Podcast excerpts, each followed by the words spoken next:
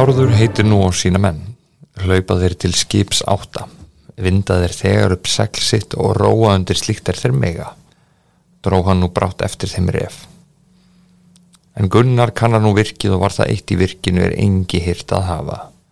Snýrið hann þá út með fyrðunum með sínum mönnum til skipsins. Refur sér að Bárður mun skjótt eftir koma. Þá mælti refur. Nú skulum við fyrst leipa niður segli voru. Mig varir er hitt skipið skrýður skjótt. Að þeir fáið ekki stöðvað en þeir vita unga vona við munum býða og munns þeirra skipið renna fram á annar borð. Þá skaltu stein, saði refur.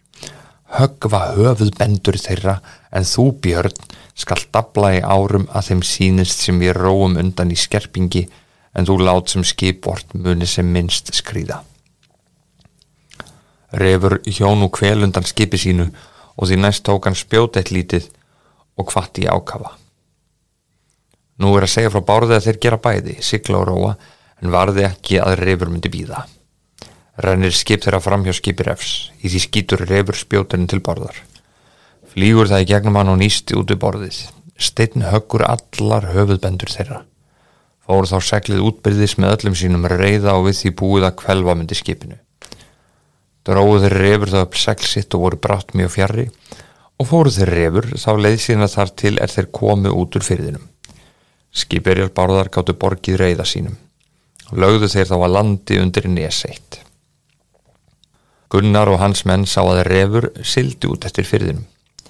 Þóttist hann þá vita að sá einn myndi hafa orðið fundur þegar bárðar er hann myndi ekki orðið eftir senda.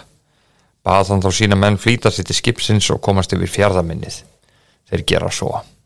Tók nú að líða dagurinn. Þá er refur og sinir hans komur sundinu og í sundurlaug fyrðinum í annað sinn gáttu þeir að líta hvar Gunnar reyri frá landi og hans menn sem mest máttu þeir. Tók þá mjög að dimma af nótt en tungsljós lítið. Refur mælti. Við skulum sækja róður sem ágafast, en þú Björn, saði hann, skalt láta síga seglvort æsmám og um síðir fella. Þeir gera nú svo. Gunnar mælti þá til sinna manna. Glækilega sækistuðu róðurinn. Við vorum áðan svo nær þeim að þeir hugði að við myndum skjótt taka þá, en nú fyrrast þeir oss svo lítil þú að þykir skip þeirra sjá. Mun þar vera vindur meiri. Mun þá því bera undan. Nú munum við að snúa til lands og reykast ekki á hafsmeginum nætur eftir ref.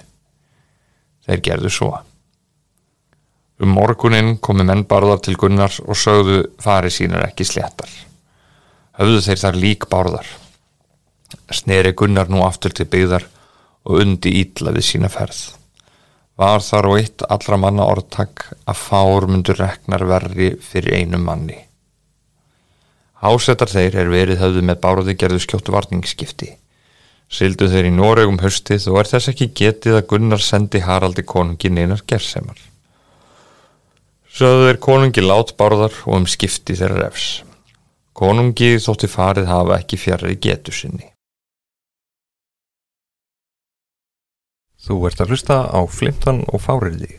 Ef þú vilt hlusta á restin af þettinum þá getur þú farið inn á Patreon síðu þáttarins og gerst áskrifandi.